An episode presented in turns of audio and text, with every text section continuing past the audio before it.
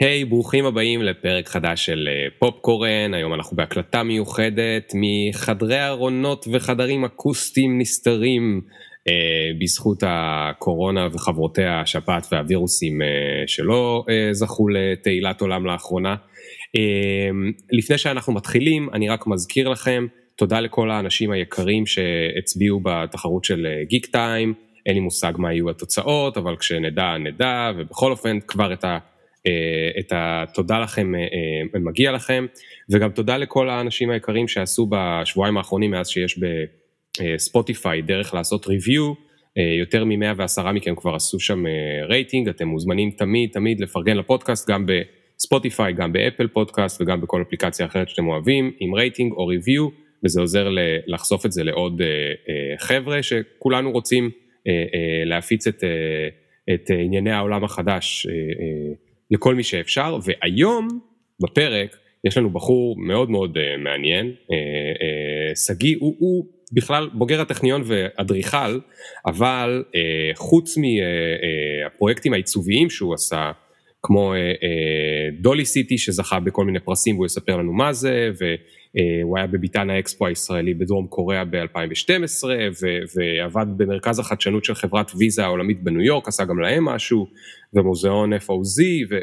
ומפתח קונספט לסרטי אנימציה, אבל הדבר שהכי מעניין אותי ועליו אנחנו נדבר היום הרבה מאוד, אה, זה מה שהוא עושה הרבה מאוד אה, במשך אה, ימיו, וזה החברה שלו, והיא עוזרת לכל מיני סטארט-אפים לגייס כספים באמצעות יצירתיות. עכשיו, מה הקשר בין יצירתיות לבין גיוס כספים? אה, אה, שגיא מתעסק בעיקר עם סטארט-אפים, עם חברות מעולם, מעולמות ה deep tech, זה, הוא יסביר לנו עוד מעט מה זה אומר, אבל בגדול זה אומר חברות שמאוד מאוד קשה להסביר במילים פשוטות ולהלהיב במילים פשוטות למה הטכנולוגיה שלהם היא כל כך פורצת דרך והיא כל כך מדהימה, מה שאומר ששם יותר מכל מקום אחר צריך הרבה מאוד יצירתיות ו storytelling כדי בעצם לעזור להם להסביר את עצמם למשקיעים, לעזור להם להסביר את עצמם לעצמם, לעובדים שלהם וכולי, וזה מה שהכי מעניין אותי עם אה, שגיא, כי אני חושב שכולנו יכולים ללמוד איך להסביר את עצמנו, את מה שאנחנו עושים, את החברה שלנו, את החברה שבה אנחנו עובדים, לעצמנו, למנהלים שלנו, לעובדים שלנו, ללקוחות שלנו וכולי, אז זה מאוד מאוד מעניין אותי, אני חושב שכולנו יכולים להפיק מזה המון ערך, אז uh, אנחנו תכף נתחיל, ניתן למוזיקה את הכבוד ונתחיל בעוד שנייה. Yeah. One time, look. Ring the alarm, hot ass nigga, big ass head so my dreams get bigger, big campaign strong so my flows get sicker, confidence big. אז עשיתי פרויקט מאוד מאוד יוקרתי בארצות הברית, זאת אומרת זה היה מרכז חדשנות לחברת ויזה אמריקאית, תדמיין ממש המקום הכי יוקרתי במנהטן, רחוב 42, גורד שחקים חדש דנדש, קומה 50, הקומה האחרונה, ואתה נכנס משרדים באמת מאלפים, ובאמצע שלהם כמו מין קוביית זכוכית, החלל של החדשנות של ויזה ארצות הברית, זה אמור להיות החלל שאליו הם מביאים את כל ה-C-Suite Executives. של הבנקים, של כל החברות האחרות, של כל מי שהם ירצו לשתף איתו פעולה. ושם הם בעצם אמורים to, to woo את המשתפי פעולה הפוטנציאליים שלהם, וזה חלל של אני לא יודע כמה אלפי אה, דולרים לפוט אחד מרובע. אז אה, כן, הסיפור הוא בעצם אה, לא כל כך סביב הפרויקט שהיה פרויקט קצת מוצלח ומעניין, אלא סביב זה שאשתי באה לבקר אותי באחת מנסיעות העבודה, והמלון שלנו ממוקם אמ, ממש מול הבניין הזה, זאת אומרת אפשר להגיד גורד שחקים מול גורד שחקים, ובאחד הימים היותר פנויים שם, אז בעצם היא רצתה לקפוץ לראות את הפרויקט, כן, זה באמת, רק לעלות ולראות את הנוף משם, זאת אומרת, לארבע, ארבעת הכיוונים של מנהטן זה, זה משהו מטורף. כן. הזמנתי אותה, זאת אומרת אה, עליתי איתה למעלה ועברנו את כל ה security checks ודברים כאלה. ואז בגיל 33 בערך היה לי אה, מאוד כאילו לא נעים וזה בעצם אה, מה שנשאר איתי מהרגע הזה מהפרויקט המדהים הזה איזושהי תחושת החמצה אני הכנסתי אותה ועשיתי לה סיבוב מהיר כזה בקפיטריה של העובדים, ו, ו, ומהר מהר אמרתי לה, את צריכה ללכת, טוב, אנשים פה בדרך כלל לא, לא מסתובבים פה אנשים, אה, אה, נקרא לזה, שהם לא קשורים לארגון, ארגון של, אה, אתה יודע, מי שנכנס לשם זה רק העובדים של ויזה, הבכירים יותר. והרגע הזה בעצם אה, הוא, הוא מלווה אותי עד עכשיו, כי, כי רגע אחרי שהיא הלכה, הגיע בעצם אה, הלקוח, שזה אחד, ה, אתה יודע, המנהלים הבכירים של ויזה ארה"ב, והוא אומר, וואנה, שמעתי שאשתך הגיעה, ואני רוצה להכיר אותה, אני רוצה לעשות לה סיבוב. וואו. ואתה יודע, אני כולי מתנצל, ואני אומר, אה, לא, היית צריכה ללכת, לא ידעתי אם זה בסדר, אם... שהבאתי אותה, ו... וזה, וזה, אתה יודע, זה התחושה הזאת של... אי נעימות. האי נעימות, כן, שזה כאילו לא איזושהי השפלה פומבית גדולה, אבל זה, אה, אתה יודע, זה איזושהי תזכורת קבועה שיש ל... אני חושב שאנשים קריאטיביים בכלל, הרגע הזה של ה... שהאימפוסטר, שאתה עדיין האימפוסטר באיזשהו מקום, שלא משנה כמה גבוה... המתחזה, נכון? המתחזה. כן, כן, כן, הסינדרום הזה שהוא לא משנה כמה גבוה אתה מגיע, הוא עדיין אה, נמצא עמוק אצלך, זאת אומרת, אתה, אתה לא נעים לך, וויזה הגדולה, והלקוח האמריקאי החשוב. כן, ו... כן, שלא תעשה לי פדיחות, או יגידו לי מה הוא מביא לפה את אשתו, מה הוא חושב שזה משחק פה. כן, ניס, ניסחת את זה מצוין. כל, ה, כל הדברים האלה שהם באים מתחת לפני השטח, גם ב, לאנשים שלפחות מהצד או בסיטואציות שנראות מאוד מאוד מוצלחות. ואני יכול להגיד ש... אני, אני לא יודע כלפי מי הבושה, כן? זאת אומרת, זה, אשתי בוודאי, זה, זה לא הזיז לה, כן? זה לא שהיא הרגישה, עד שאמרתי לה שזה חרוט אצלי, היא, היא לא חשבה על זה בכלל, אבל... כן, היא לא זכרה את זה כמוך. לא, לא זכרה את זה. אתה זוכר את זה כי זה, כי זה אצלך אישו כנראה. אה, כנראה שכן, אני, אני חושב שזה קשור כן למקצוע שאנחנו עוסקים בו, למקצוע קריאטיבי, ש... אנחנו עובדים מול אנשי עסקים, אנחנו עובדים מול מנכ"לים, כן, בטח כשאנחנו מגיעים לרמות הגבוהות האלה. ותמיד יש איזשהו אה, דיאלוג אה, מתחת לפני השטח של כמה הדבר הזה שאנחנו נותנים להם הוא בעל ערך, נכון? מה, מה זה, מה, זה עניין של דעות? אתם, אוקיי. כן. מה, מה זה הדבר הזה שאתם נותנים לעיצוב? בסדר, אתה יודע, יש, כל, כל מעצב מביא את הרעיון שלו. כן, מה? זה לא כמו רופא, זה או שאני עכשיו בריא או שאני עכשיו לא בריא, קל למדוד את זה. אבל אצלכם קשה למדוד לא. את זה. נכון. אז זה, אז זה ממש הלא נעים הזה, הקטן הזה שמכרסם כל הזמן למטה, אה, הוא איקוני, אתה יודע, הוא איקוני. תמיד היית, אה, כאילו גם בתור ילד היית כזה לא נעים לי? אה, כן, אני חושב, אה, תראה, אה, זה פרדוקסלי, כי אם חושבים על מקצועות העיצוב, אחד הדברים שאתה, אה, אני, אני חושב חייב להיות, אתה חייב להיות מאוד רגיש לצד שיושב מולך.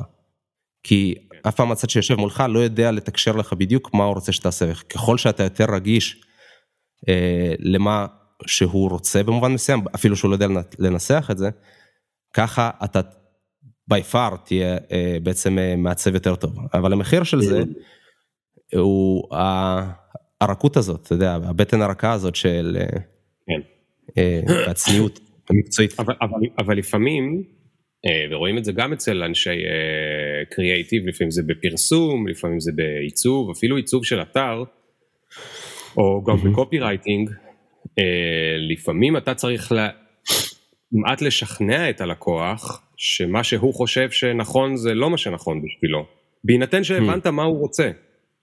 איך, איך, איך אתה עושה את זה מתוך המקום הזה של הלא נעים לי?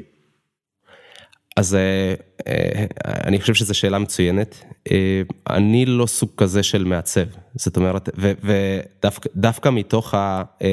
נקרא לזה, להיות, לא להיות יותר מדי בטוח במה שאתה אומר, אני חושב שאתה יכול להגיע הרבה יותר רחוק, כן? זאת אומרת, כמו שאני מגיע לשיחה הזאת ללא אג'נדה, ואני mm-hmm. פתוח למה שזה לא יהיה שיקרה שם, אותו דבר, זאת הייתה הגישה שלי לאורך כל הזמן, ובסופו של דבר, אני חושב שהגעתי, כן, בצניעות הגעתי למקומות הרבה יותר גבוהים והרבה יותר אה, מעניינים, דווקא עם ה... בוא נגיד, הכוח השקט. מעניין, אה, אז, אז בוא תסביר רגע עוד קצת, מה, מה זה אומר הכוח השקט? זאת אומרת, זה שנתת לזה שם לביטוי הזה, זה אומר שכנראה אתה, זה עובר לך בראש. לא מעט. אה, כן. אני, אני, אני, אני קצת אציב לך את הדילמה ואז תגיב אליה. ממה שאני מכיר עם עבודה עם לקוחות, הרבה פעמים הלקוח הוא משוכנע שהוא יודע מה הוא צריך מצד אחד, מצד שני הוא לוקח בעל מקצוע כי הוא גם רוצה שמישהו אחר אולי יחליט החלטה או ישכנע אותו שזה מה שצריך להיות, כי, כי, כי אתה יודע, אנחנו אוהבים גם, אנחנו אוהבים לקחת החלטות ואנחנו גם אוהבים, אבל שמישהו מולנו הוא החלטי והוא אומר לנו זה מה שצריך להיות, ואז זה קצת, זה, זה מפסיק לנו את, את כל ההתלבטויות האינסופיות. כי אנחנו אומרים, אה טוב, הוא מבין בזה, הוא יודע, יאללה, זה מה שהוא אומר, אז אולי זה מה שצריך. אבל גם לפעמים אם הבן אדם מהצד השני אומר לך שהוא לא יודע מה לעשות, אם תחשוב אם עבדת באמת בפרויקטים מאוד מורכבים של אה, מקצועים, או לדוגמה כשעובדים עם מהנדס, אז אין ציפייה, או עם מתכנת, אין ציפייה בהכרח שהוא תמיד יגיד לך שהוא יודע מה לעשות, כן? אז אה, אם, אם נצליח להתגבר רגע על הצורך כל הזמן לשדר שאנחנו יודעים מה הפתרון, כשבוודאי שאנחנו לא, אה, ואנחנו נהיה הרבה, הרבה יותר שלמים עם עצמנו מול הלקוח, ואנחנו נגיד לו, אנחנו לא יודעים מה לעשות, ואף אחד לא יודע מה לעשות, מהניסיון שלי, האפקט של זה, אותו אפקט מרגיע, הוא הרבה יותר גדול. אומרת, מדהים מה שאתה. הרי אני לא עובד בעצם מול, אתה יודע, מישהו שהוא, נגיד, צריך לפרסם חנות נעליים, בלי לזלזל. זה גם יכול להיות משימה מאתגרת קריאטיבית, אבל כשאתה עומד בסיטואציה מול, נגיד, המנכ"ל של חברה רפואית, ואתם חושבים ביחד איך, הם, איך אתה צריך לגייס משקיעים, זאת אומרת, מה, מה צריך להראות למשקיע כדי לגייס אותו. הוא לא בן אדם נאיבי, זאת אומרת, בסיטואציות כאלה, שזה הסיטואציות המעניינות, לבוא over confident ולהגיד שאתה יודע מה לעשות כשעומד מולך בן אדם בן, אתה יודע, 45-50 עם המון ניסיון חיים והמון רצינות והמון IQ, בדרך כלל אנשים מאוד איכותיים, האפקט הוא הפוך, האפקט הוא הפוך. אה, מה שכן צריך לדעת. שזה רק מעצבן אותו שאתה חושב שאתה יודע יותר טוב ממנו? אה, לא צריך, זה פשוט לא צריך את זה. אתה אה, אומר לו בכנות שאתה, זה חוויה, זה אף אחד לא עשה את מה שהוא עושה, ספציפית את מה שהוא עושה אף פעם, ולכן אנחנו ניגש לפרויקט הזה כמו כשהוא ניגש לדוגמה לנושאים של R&D. אנחנו נתייחס, אנחנו נפרק אותו לחתיכות נורא קטנות, נשאל את עצמנו שאלות, אנחנו ננסה דברים. ו... נבוא מאוד פתוחים אתה מתכוון ו... ועם הידיעה שאנחנו עוד לא יודעים נבוא בצניעות גדולה לגבי ה... מה אנחנו יודעים ומה לא. נכון צניעות אטומית הייתי אומר. זאת אומרת, אה, אה, אם אתן לך דוגמה אתה, אתה עכשיו ממש נגעת ב... בוא נגיד באובססיה שלי. האובססיה שלי היא אומנם אנשים אחרים יחשבו שאני קריאטיבי אבל אני קריאטיבי בצורה מאוד פרגמטית. אה, אני תמיד הייתי אובססיבי לשאלה של. למה, אה, נגיד, אם, איך יכול להיות בכלל שאנחנו מעצבים משהו, והבן אדם, אה, לצורך העניין הלקוח, יכול להגיד לך שזה לא טוב, כן? אז, אז תחשוב על זה, לפני שאתה בכלל מטפל בבעיה הזאת ברמת האיטרציות, הגדרת האיטרציות בפרויקט, אה, למה בכלל זה מקובל? זאת אומרת, איזה מין מקצוע זה שבו מלמדים אותך, במקרה שלי חמש שנים אדריכלות או, או כל מקצוע עיצוב אחר, ואז אה, בפרקטיקה זה מין hit and miss כזה, נכון? כאילו מה, זה עניין של כן. טעם? אה, אז, אז אני אף פעם לא הייתי כן. מוכן לקבל את, ה, את הצד הזה של המקצוע עיצוב, והתחלתי לפרק אותו לגורמים, התחלתי לשאול את עצמי באמת, מה, מה אנחנו עושים? איך זה, מה מעצב עושה? מה, מה האחריות שלי בתוך הפרויקטים?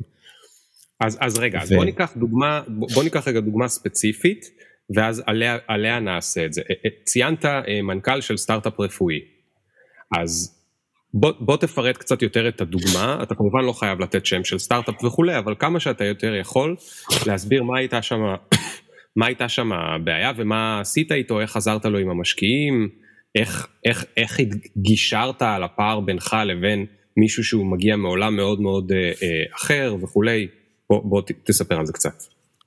אז בוא נעשה באמת איזשהו case study ואתה אה, תשאל אותי כל מה שמאוד לא ברור.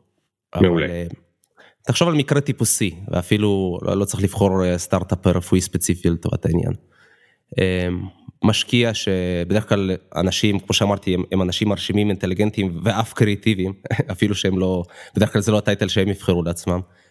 הוא חושב על איך הוא הולך להציג את הטכנולוגיה שלו לאיש עם כסף, לא בהכרח עם רקע אה, רפואי עמוק, ולשכנע אותו בעצם אה, לתת לו עשרה מיליון, שלושים מיליון, מאה מיליון דולר. עכשיו, אם אתה אה, יזם הגיוני, מה שאתה עושה... אני, אני חייב שהדוגמאות יהיו, מצטער, אני חייב שהדוגמאות כן, כן יהיו... כן, כן, כן, אני, אני, אני, אני, אני איתך. נ, נניח, אוקיי. אה, טכ, נניח הטכנולוגיה היא אה, ניווט בתוך ריאה, בסדר? איזושהי טכנולוגיה לניווט בתוך ריאה. כן, okay. אוקיי. אה, סר, סרטן ריאות זה בעיה גדולה, הבעיה הגדולה בו שקשה להגיע לגידול אפילו כשהוא קטן כדי לקחת ביופסיה בגלל האנטומיה של הריאה. Mm, מאוד okay. קשה אוקיי. לנווט. הוא מצא דרך איך לנווט בתוך הריאה כדי לקחת את הביופסיה. לדוגמה. אוקיי. Okay. כן. ואז בעצם מה, מה אתה אומר לעצמך כ, כמהנדס בדרך כלל או מדען שהמציא את זה? הוא, אתה בונה לך, לעצמך סיפור מאוד מאוד בולט uh, פרוף. זאת אומרת, זאת הבעיה, מהבעיה הזאת, uh, ההשלכות של הבעיה הזאת הן מאוד מאוד גדולות. Uh, מתים ככה וככה אנשים, לצורך העניין במקרה הזה 90% מהאנשים בכלל לא שורדים את, את, את ה... שיש, uh, בגלל שלא מגלים את זה. ואתה בונה מין סיפור, א', אתה בונה סיפור מילולי, כן? אה, ואתה מסביר את הטכנולוגיה שלך מאוד מאוד לפרטים, כדי שהבן אדם בצד השני יוכל להבין אותה, כי הבן אדם אין לו את כל הרקע הזה. כן. ואתה בערך בונה, הם בדרך כלל מתחילים מלבנות מצגת בעצמם של אה, נניח 20 שקפים ו-15 דקות, שאחרי ההסבר הרפואי עוברת, אה, אחרי הסבר הבעיה עוברת לבעיית פתרון, ואחרי זה עוברת לקצד הכלכלי, כן? זה המתחרים שלי, בקטע הזה אני יותר חזק מהם, בקטע הזה אני אה, עוד יותר חזק מהם, אנחנו נמכור ככה וככה, הנתח שוק הוא כמובן תמיד עצום. וזה בעצם אה, גישה, היית אומר, די הגיונית, נכון? ל, ל, ללכת איתה למשקיע. אבל, אממה, זאת אומרת, כשאנחנו נפגשים, אז אני חוזר לעניין הזה של הצניעות האטומית. אז אני מתחיל לשאול שאלות מה, מהצד השני. ואז אני בעצם... רגע זה אתה, נפגשים זה אתה והמנכ"ל של הסטארט-אפ הרפואי, ואתם מתכוננים ביחד לפיץ'. אה, אנחנו מתכוננים ביחד, בדרך כלל זה המנכ"ל, כן, בדרך כלל המנכ"ל עושה את הדברים האלה. אוקיי, אז אה, אתה והמנכ"ל נפגשים ואתה מתחיל לשאול. אני לא, לא כל כך מתחיל לשאול, כי אני כבר מכיר את העולם הזה, אבל בוא, אני מתאר לו את הסיטואציה מהצד השני של המשקיע. אז מה קורה מהצד השני של המשקיע? אה, כל, בוא נגיד שאמרתי שלוש הנחות. אחד, אה, שהם בונים סיפור מילולי, שתיים שהם אה, אה, מנסים להסביר את הטכנולוגיה, כן?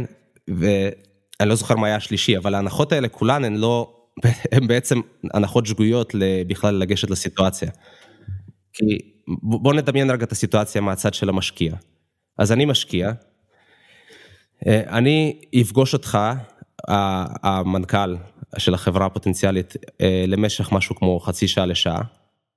אה, ואני לא רק אפגוש אותך, אני אפגוש גם עוד 30 כמוך במהלך אותו שבוע.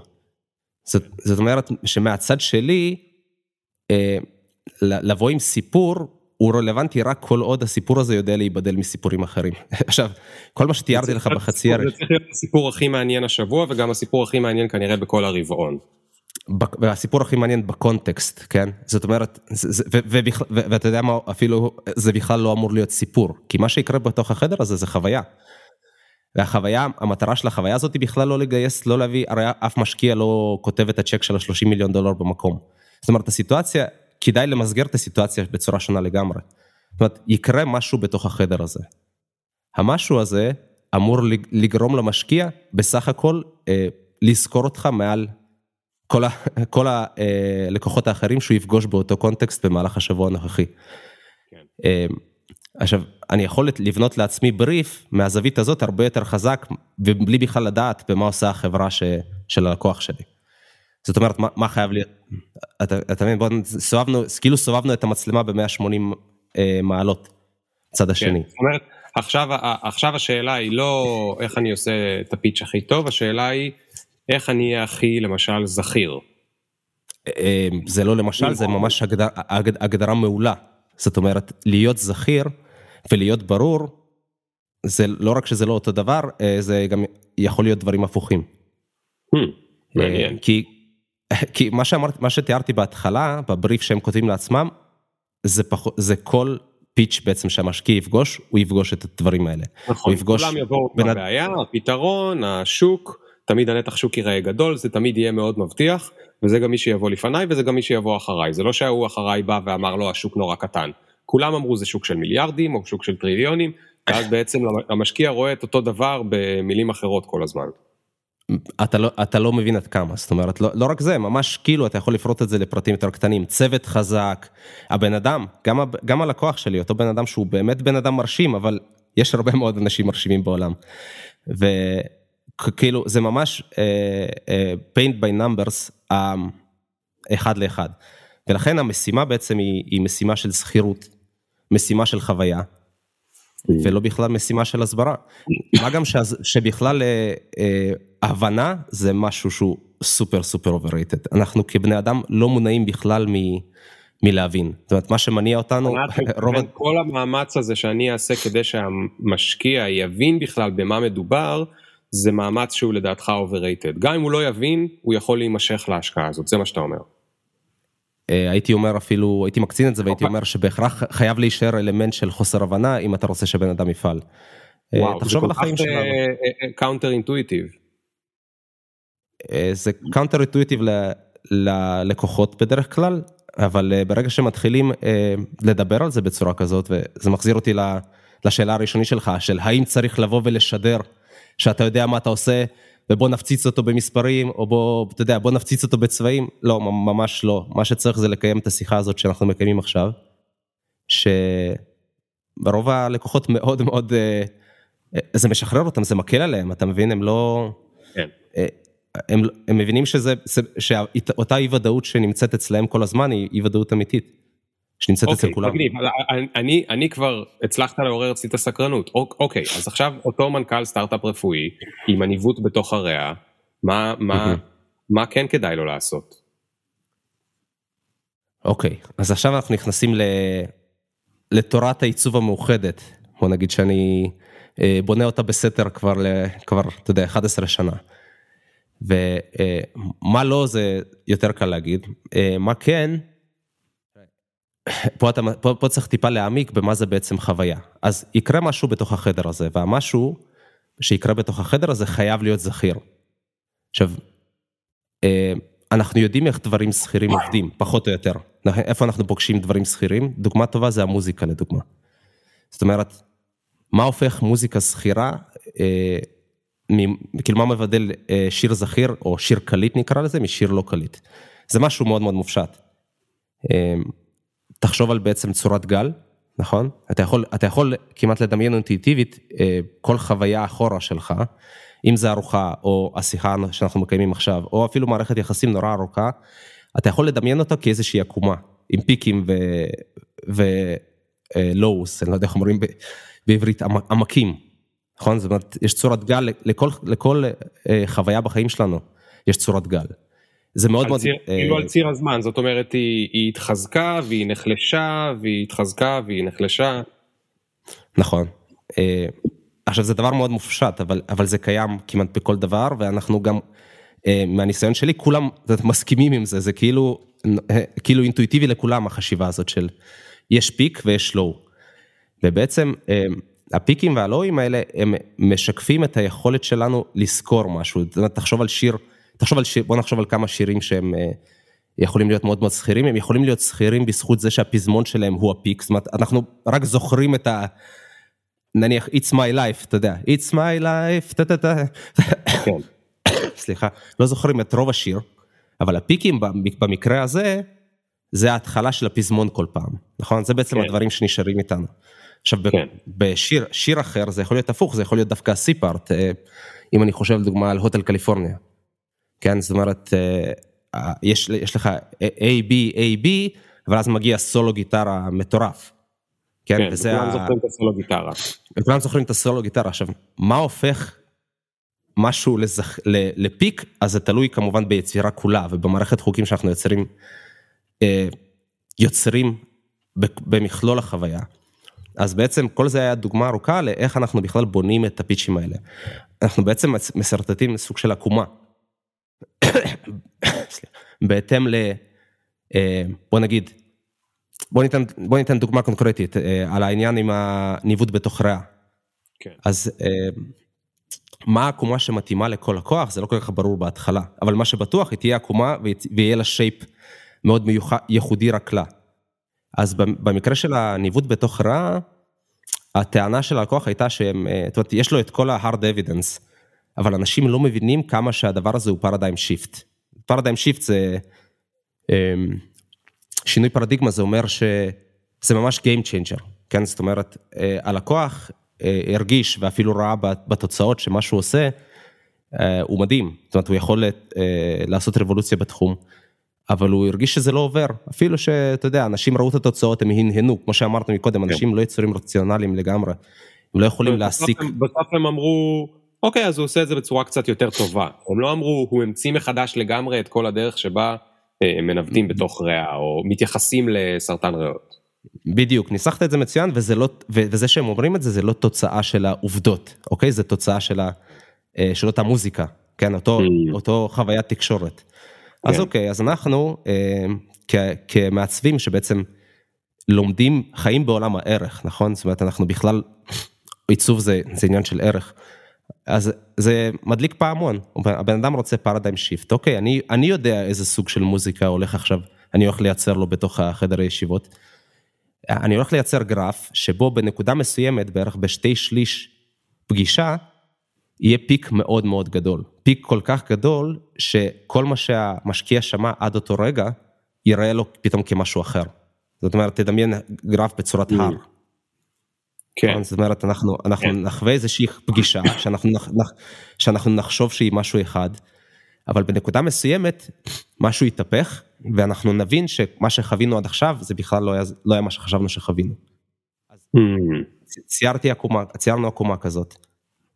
ובעצם את העקומה הזאת אנחנו בונים על ידי, uh, בפרזנטציה, כן? עכשיו, מה זה בונים את העקומה? אתה יכול, נכון, זה נשמע קצת, קצת מופשט. כן, זה בינתיים מאוד מופשט. נכון, אז, אז עכשיו בוא, בוא נמשיך טיפה לפרק את זה. אז איך אנשים, מה זה הפיקים האלה? הפיקים האלה זה, זה פיקים של תשומת לב, של, של בעצם uh, attention. אנחנו חווים את זה לדוגמה מאוד בקולנוע. אנחנו יכולים לראות שבפרקים, ברגעים מסוימים בסרט, התשומת לב שלנו היא, היא עולה בצורה שהסרט תופס אותה, we are being grabbed. אנחנו לא כן. לא ממש אפילו שולטים בזה. כן. וזה קורה על ידי שינוי, זאת אומרת שינויים, שינוי, בעצם הקומה הזאת היא הקומה של שינוי, ככל שאתה משנה, מעלה את כמות השינוי, ככה בעצם הגרף עולה. זאת אומרת, ככל שאתה פחות יכול לחזות מה יקרה עכשיו, ככה הגרף שלך, של התשומת לב עולה. אז אם נגיד הגיבור שחשבתי שהוא טוב, פתאום הוא עושה משהו מרושע, ואז נכון. נחשף לי שבעצם כל הזמן הזה הוא היה סוכן כפול, ורק עכשיו הבנתי, mm-hmm. אחרי שכבר חצי סרט אני בטוח שהוא הטוב ואני מתאהב בו ורוצה לעזור לו, עכשיו אני מגלה שהוא בעצם המרושע, אז אני מרותק. Mm-hmm. אתה מרותק. כי היה שינוי ו... מאוד מאוד גדול. נכון, כי העתיד של, ש, שהיה עד לפני רגע זה לא העתיד שיש לך בראש עכשיו. עכשיו אתה. יכול כן. להמשיך לשחק עם זה עד אינסוף, אתה יכול למתוח את הקפיץ, לא באמת עד אינסוף, אבל אתה יכול להחליט כמה אתה רוצה למתוח את הקפיץ הזה. עכשיו, אני, אני, אני עוד יוצא קצת רגע בזום אאוט, חוויה טובה כמכלול, כסרט, היא חוויה שיש בה אחוז, אה, בערך אחוז, יש בה מינון טוב בין חוסר, בין unpredictability לפרדיקטביליטי, כמו כל חוויה, אתה יודע, או אני חוזר למערכת יחסים. אתה יודע, אה, מערכת יחסים שהיא צפויה לחלוטין, אה, זה משהו ש... שישעמם אותך, אבל מערכת יחסים שיש בו בדיוק את המינון הנכון, אה, בין צפוי לבלתי צפוי, זה המערכת יחסים שאנחנו נרצה להיות בה, כנ"ל שיר, נכון? אותו דבר שיר, אותו, מתי שירים מתחילים לשעמם אותנו? כשהם, כשהם מתחילים להיות צפויים לחלוטין, כן? זה, זה השלב שפה טחנו את השיר ואנחנו עוברים הלאה. כן. אז החשיבה האטומית הזאת תקפה לחלוטין גם לסיטואציה של אה, פרזנטציה של רעיונות חדשים. אוקיי, אז, אה, אז, אז, אז, אז, אוקיי, ומה זה אומר עכשיו בפרקטיקה עם אה, ניווט בתוך ריאה? אז אה, אני ממשיך לפרק את זה עדיין קצת לאט. אז יש, יש, עוד, יש עוד דברים, בעצם אז ה-level הראשון שבכלל אני מתייחס אליו זה בכלל ה-level הוויזואלי. זאת אומרת, בוא, בוא נעזוב רגע את הנושא של הזה, שזה ניווט בתוך רע, תחשוב שאנחנו נמצא מהצד של המשקיע, המשקיע שומע בן אדם מדבר, והוא רואה כל הזמן דברים ויזואליים מתחלפים לו מול העיניים. ועוד לפני שהוא בכלל קורא אותם, הוא בכלל חווה את הוויזואלים. מה זה אה, דברים ויזואליים? המצגת? אה, מצגת, תמונות, לפעמים זה יכול להיות דברים, אה, דמואים, כל מיני דברים כאלה. אז בכלל... האמת שהוא גם רואה את הבן אדם עצמו. ואיך הוא לבוש, אני... ואיך הוא... נקודה מעולה, נקודה מעולה. זאת אומרת, אם אנחנו אה, בעצם שואלים את עצמנו ממה מורכבת החוויה מהצד של המשקיע, אז היא מורכבת, בוא נגיד, אה, אולי 50 אחוז מהבן אדם שמדבר משפת הגוף שלו, מהטון דיבור שלו, נכון? כאילו תדמיין, תדמיין את רוחב הפס של, המש, של השומע כפאי צ'ארט, נכון? בוא נדמיין את זה רגע. מאוד מאוד קשה לנו להתנתק משפת גוף לדוגמה של אנשים, מאוד מאוד קשה לנו להתגבר על טון דיבור. זה למה לדוגמה פוליטיקאי אה, מדהים ככל שהוא יהיה, אם יש לו קול חלש, כן? אה, אתה יכול לחשוב על כמה פוליטיקאים כאלה.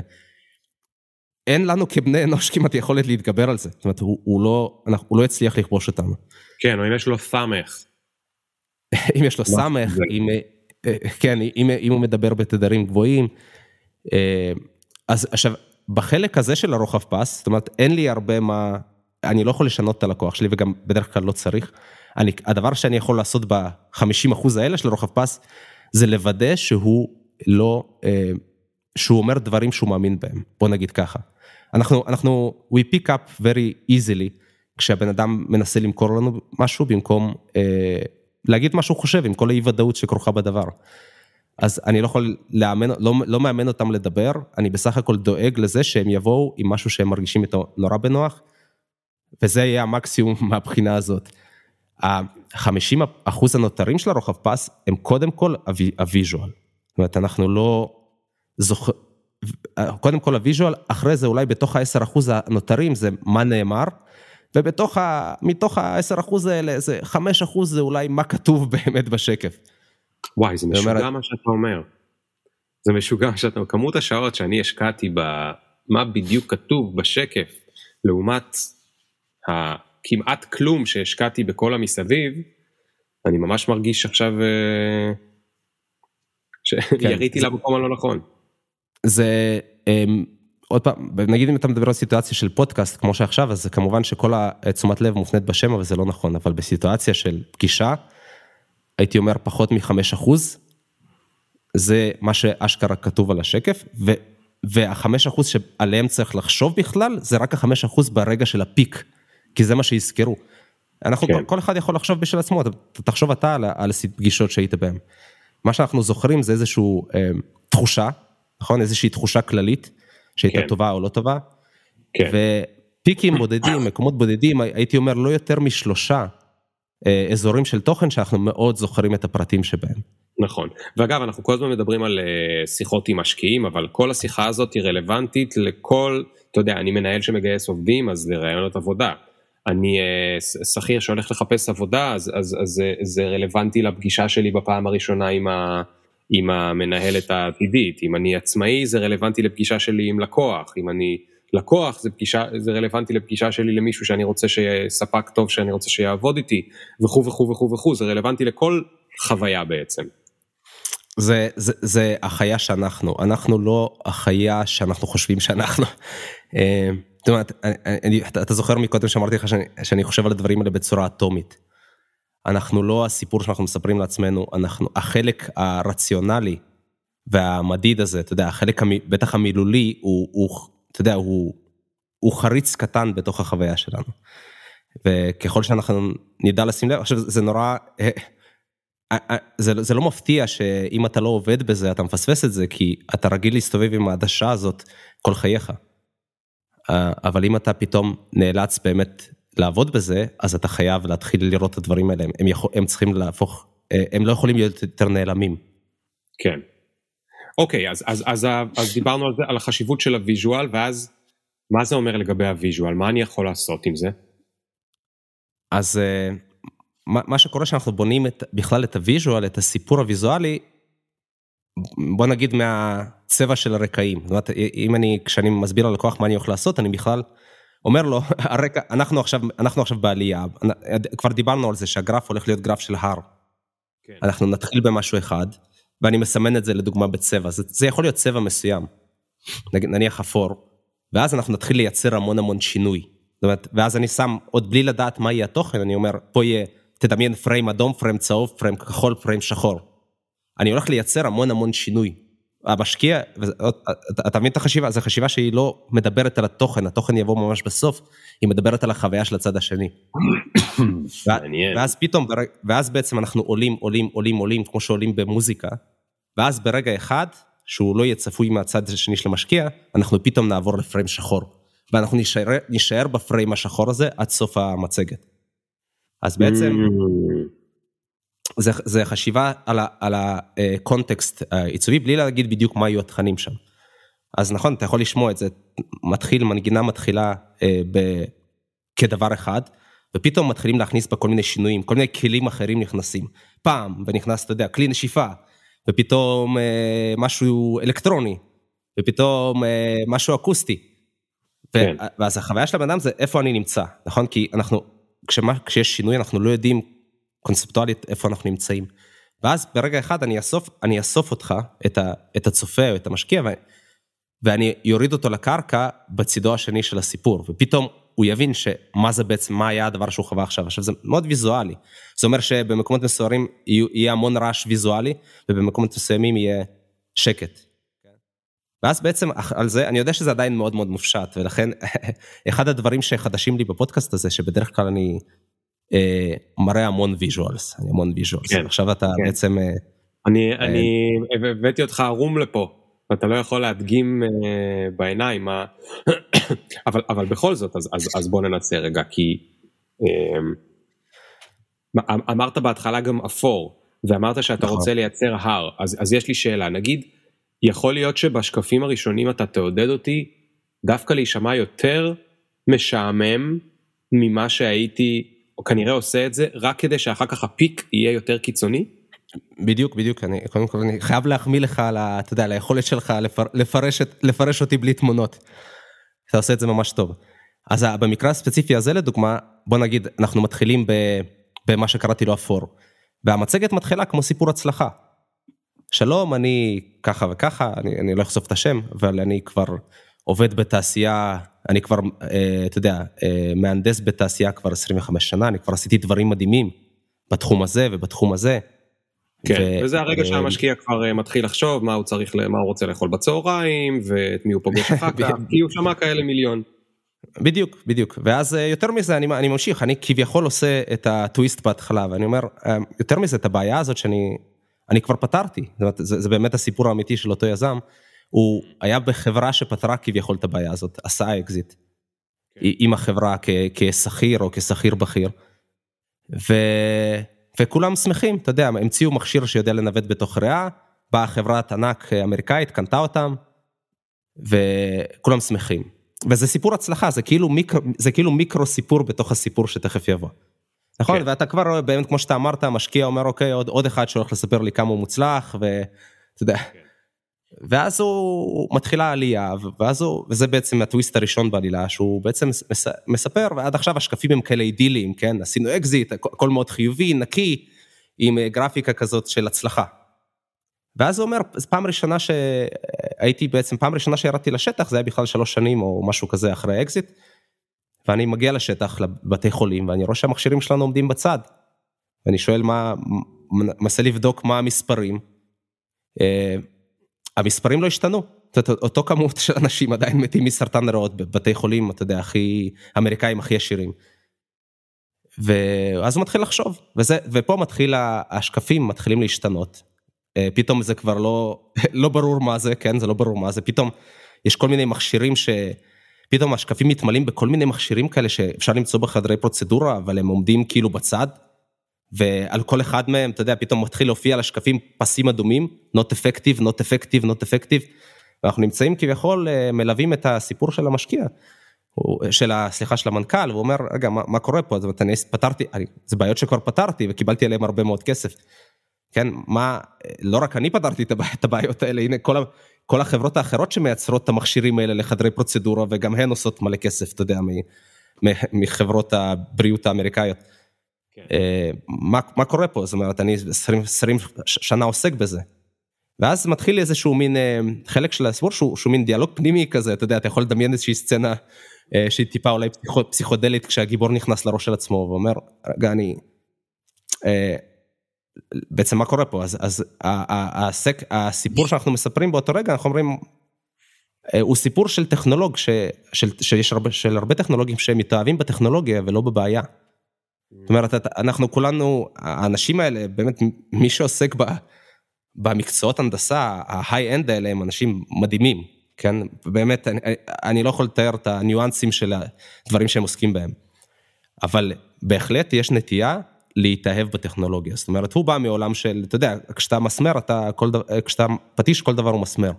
כן. אז הטכנולוגים המדהימים האלה, אה, הרבה פעמים מתאהבים בטכנולוגיה. הוא בא מעולם הניווט של הריאה. הוא רואה את הכיף שלו במובן מסוים, בלי שהוא שם לב, זה לפתור את הבעיות ניווט, לא בהכרח לפתור כן. את סרטן הריאות. כן. ואז אה, בתוך אותו sequence, פתאום אנחנו, אנחנו קופצים רגע לעולם של אה, נגיד מקדחים. מראים מקדח, ואני אומר, זה, זה מין אמרה ידועה כזאת, שכשאתה קונה מקדח, אתה בעצם קונה חור בקיר. נכון? אז, אז, כן. או כשאתה קונה סכין, פתאום, פתאום מופיע איזשהו שקף שהוא כביכול, השקפים האלה בכלל לא קשורים למהלך של הפרזנטציה כפי שהוא היה עד עכשיו. אה, מופיע איש עם פנים נקיות ואתה אומר, כשאתה קונה סכין גילוח, אתה יודע, וכאילו, אתה קונה פנים נקיות בעצם.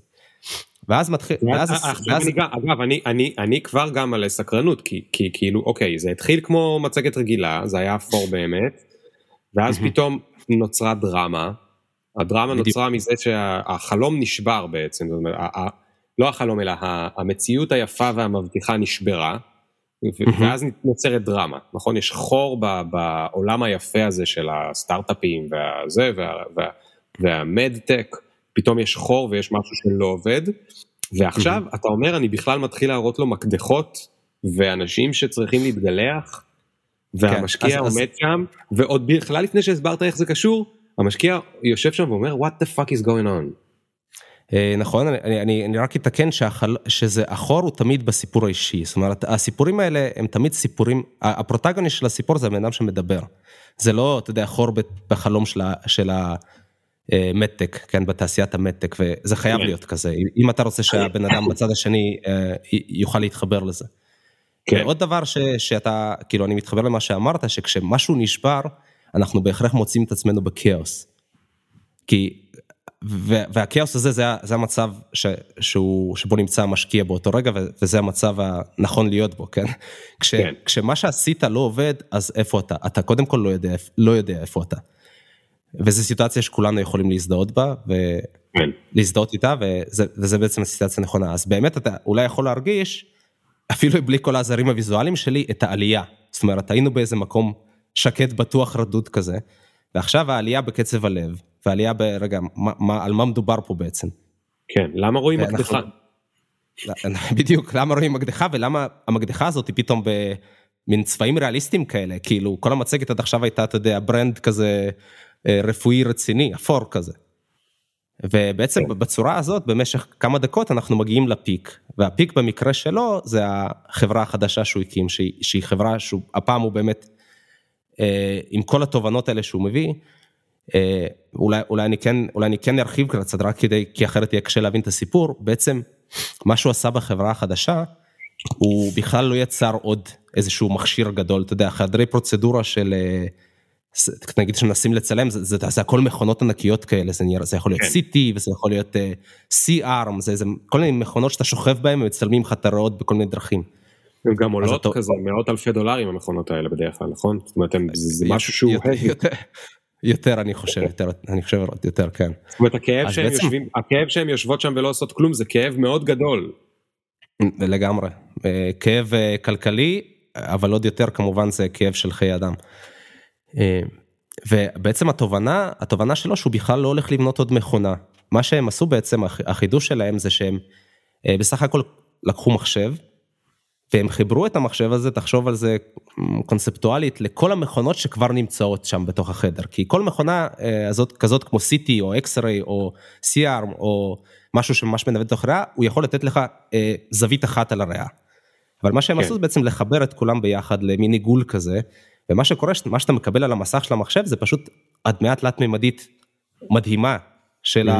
הריאה, בלי שבכלל הכנסת עוד ציוד לחדר, כן? וכל זה... בעצם אפשר להגיד שזה תובנות של כל המסע הרגשי הזה שהוא עובר. השקף כן. ש... שאנחנו עשינו, פתאום השקף נהיה שחור. זאת אומרת, עד עכשיו דיברתי איתך על מקדחים ועל פנים ועל איזה, אתה יודע, איזה מין, אה, עשיתי מין קריינות כזאת של חרטה, של הכאה על חטא. אני, אתה יודע, אנחנו מתאהבים בטכנולוגיה ולא בבעיות.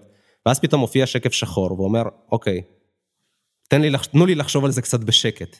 ועל השקף השחור הזה מצויר מטופל ששוכב אה, בחדר פרוצדורה, ורופא כאילו אה, מנווט בתוכו, זה מין, זה מין צינור קטן שמכניסים ויש עליו צינור אור קטן. ואז אה, בעצם הלקוח שלי אומר, אני הבנתי משהו, במקום שאנחנו כל אחד ניקח כל אחד מהמכשירים היקרים האלה ואנחנו נחפש באפלה, אנחנו פשוט נחבר הכל ונדליק את האור וזה, ה, אתה יודע, והשקף mm. מתחלף ורואים את הריאות נדלקות, זאת אומרת מתוך השקף השחור הזה, כל הריאות נדלקות כמו גוף תאורה, אתה יודע, בצורת טריה, אתה רואה את זה. כן. מאירות על כל החלל, וזה בעצם הרגע שבו, זה בעצם הרגע שבו האבן עוברת את הפיק הזה. זה הוואו מומנט. בדיוק, זה הוואו מומנט, והוואו, ואחרי זה הוא, זה מה שנקרא downhill action, מעכשיו זה פשוט אה, עוד ועוד כל מיני עובדות מעניינות וכמובן מחירים שבעצם תומכים את כל הדבר הזה. אז מה סיפרתי לך? סיפרתי לך סיפור ויזואלי בגדול, כן. שיושב על איזושהי עקומה, שנבנה כולו אני יכול להגיד בלי קשר במובן מסוים למה עוסקת החברה. נכון, הדברים שהתוכן של החברה נמזג לתוך הטמפלט נכון. הזה. ש... יכלו להיות ה... אה, אה, עשרה פתרונות שונים לאותה מצגת.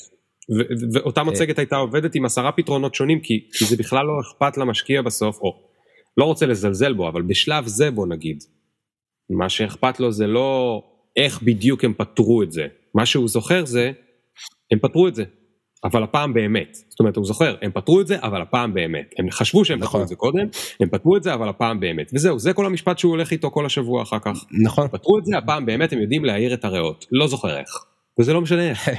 נכון, אפילו לא המשפט, הוא הולך עם דימוי, הוא הולך עם רגע. נכון, אנחנו יצורים מאוד ויזואליים, המשקיע, זה, זה אפילו להגיד אכפת, זה, אני מבין שאנחנו עושים הפשטה, אבל המשקיע לא בא כשאכפת לו או לא אכפת לו. הוא סופג את המידע שמונח לפניו כמו כל אחד מאיתנו. כן. ואם הצלחת להניח לפניו מידע בצורה אה, כל כך היררכית, שבה אתה שולט בפיק ואתה שולט, ב, ואתה שולט בדבר שייחרט, אז אה, אתה יכול לבד... אז, אז מה שבטוח שזה נכנס. זה נכנס.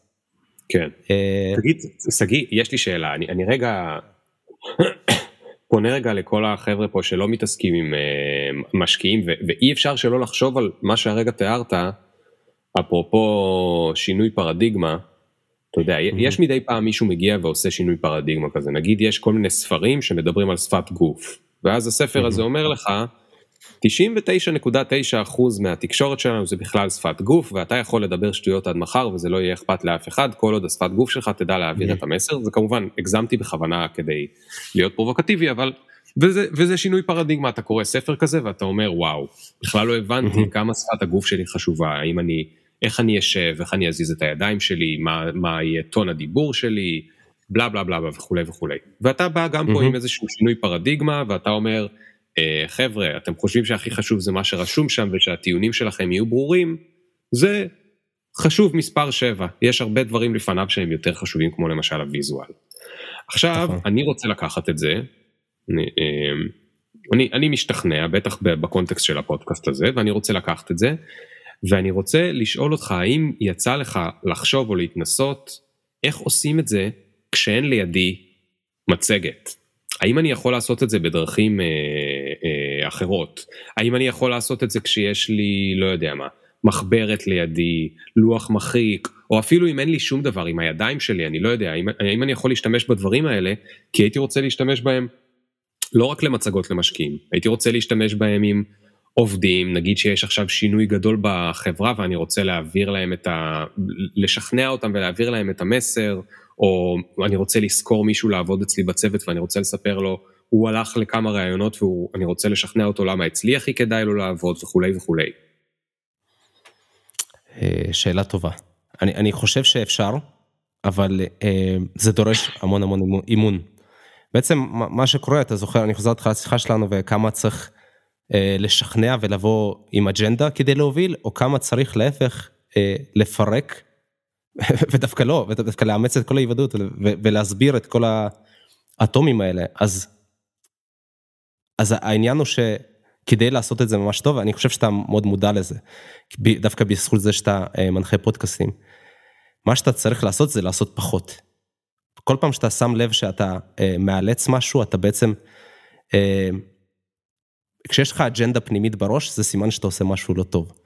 הדבר הכי בטוח שאם אתה רוצה לתקשר עם מישהו בצורה אה, אותנטית, בוא נגיד ככה, אם, אם אין לך תוכנית ואתה לא, אה, לא באת עם מצגת ויזואלית, הבסט בט שלך זה פשוט להיות שם.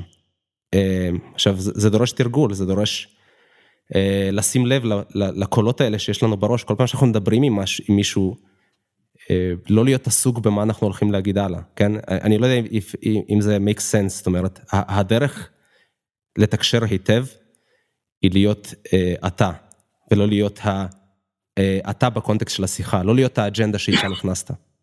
אבל אני, אני, אני אוהב את זה, אבל אני חייב להגיד, זה מאוד שונה ממה שדיברנו קודם, כי בתיאור שנתת עם המצגת ואותו מנכ"ל סטארט-אפ רפואי, היה נשמע שהיה שם משהו מאוד מאוד מאוד מאוד מתוזמר. זאת אומרת, החוויה הייתה בתזמור מדוקדק, גאוני, ש, שעם הרבה מחשבה מאחורה. אמ, אז עכשיו אתה נותן לי עצה הפוכה, אתה אומר לי בוא ותהיה מי שאתה. כן, אז, אז בוא, נח, בוא, בוא ננסה רגע לחשוב על זה ביחד, כי, כי זה שאלות קשות שאני לא בטוח שאני יכול לענות עליהן, כאילו, למרות שאני מרגיש שיש אולי ציפייה כזאת, אבל תחשוב על זה כעל על יצירה ממש ממש טובה שאתה, שאתה אוהב, זה יכול להיות יצירה קולנועית או יצירה מוזיקלית. היא, היא לא בדיוק לא כנה, זאת אומרת, היא, היא ההפך של זה, זה שהיא מתוכננת היטב, זה לא אומר שהיא לא הדבר הכי כנה שהיצר יכל להוציא מהקישקע שלו. נכון, אתה mm. מבין מה אני מתכוון? זאת אומרת, כשאני בא ואנחנו בונים עם, ה, עם הלקוח שלי את, ה, את הפרזנטציה שלו, אנחנו מנסים זאת אומרת, זה, זה הדבר הכי כנה שאנחנו יכולים להוצ... להוציא מעצמנו. כן, אה, כן, זה ביג כן, נון. אני הבנתי למה. אני הבנתי למה. כי אתה אמרת, לפני שהתחלת להסביר את כל העניין עם המצגת, אמרת את הדברים הבאים. אמרת, אחד, המצגת שכבר הייתה לו זה, אני אסביר את הבעיה, אני אסביר את הפתרון, אני אסביר למה צריך כסף. קודם כל זה בטוח לא אותנטי. זה פשוט ללכת ולהיכנס לגוגל ולהגיד איך בונים מצגות למשקיעים ויש template. ואתה מוריד אותו, זה הדבר הכי לא אותנטי לעשות. ורגע לפני אתה אמרת, הוא, הוא, הוא ידע שיש לו שינוי פרדיגמה ואף אחד לא מבין את זה, אף אחד לא מאמין לו שיש לו שינוי פרדיגמה. זאת אומרת הדבר הכי אותנטי שלו זה שבאמת הוא רק רצה שיבינו שהוא הופך פה לכולם את ה... את ה, את ה הוא יכול להפוך את איך שמסתכלים על הדבר. ו, ובסוף, זה גם מה שהצלחת לגרום לו להוציא עם הסוג מצגת הזאת. כי זה מה שהמשקיע אה, בסוף זוכר. אז אני, אני מסכים, אני, אני מבין מה אתה מתכוון. גם, גם אה, זה, כל, אה, כל, אתה יודע, ריח של יומרה, הוא, הוא משהו שהוא, משהו שאנחנו ישר מוציאים מהשיחה או מהפרזנטציה. זה, כן. זה הכי, הדבר הכי טוב, הפרזנטציה הכי טובה שאני יכול לתת להם זה הכי הם שהם יכולים להיות. עכשיו, הם, הם צריכים עזרה קצת ב, ב, בלנסח את זה ובלהבין איך עושים את זה, אבל זה, זה לגמרי הם, ובאמת האנשים, האנשים האלה הם אנשים מדהימים, את כל אחד, כן. אתה יודע, אפילו, בוא לא ניקח מנכ"ל של סטארט-אפ, כל אחד מאיתנו הוא הגיבור של הסרט של החיים שלו. ולא יכול להיות, זאת אומרת, לא יכול להיות שיש מישהו שאתה לא יכול לעשות בשבילו, נקרא לזה פרזנטציה מדהימה, כי הוא חי את החיים שלו, ובחיים שלו הם כנראה מספיק מעניינים כדי שימשיך לחיות אותם. אתה רק כן. צריך, אתה רק צריך לגשת לזה, כאילו עם הכי הרבה צניעות. יש לנו כבר, אה, אה, זה נכון, כי אם אני עכשיו בא לשכור אה, עובד לחברה, למשל, כי עובדת אחרת, אה, לא יודע מה, אה, אה, עברה לתפקיד הבא שלה אחרי שלוש שנים אה, שהיא עבדה אצלי למשל, הדרמה בשבילי זה שמישהי עכשיו עזבה אחרי שלוש שנים ואני מפחד שיהיה פה חור גדול. ויכול להיות שלספר לו את הדרמה הזאת זה הדבר הכי אותנטי שאני יכול לעשות וזה באמת יהיה דרמה.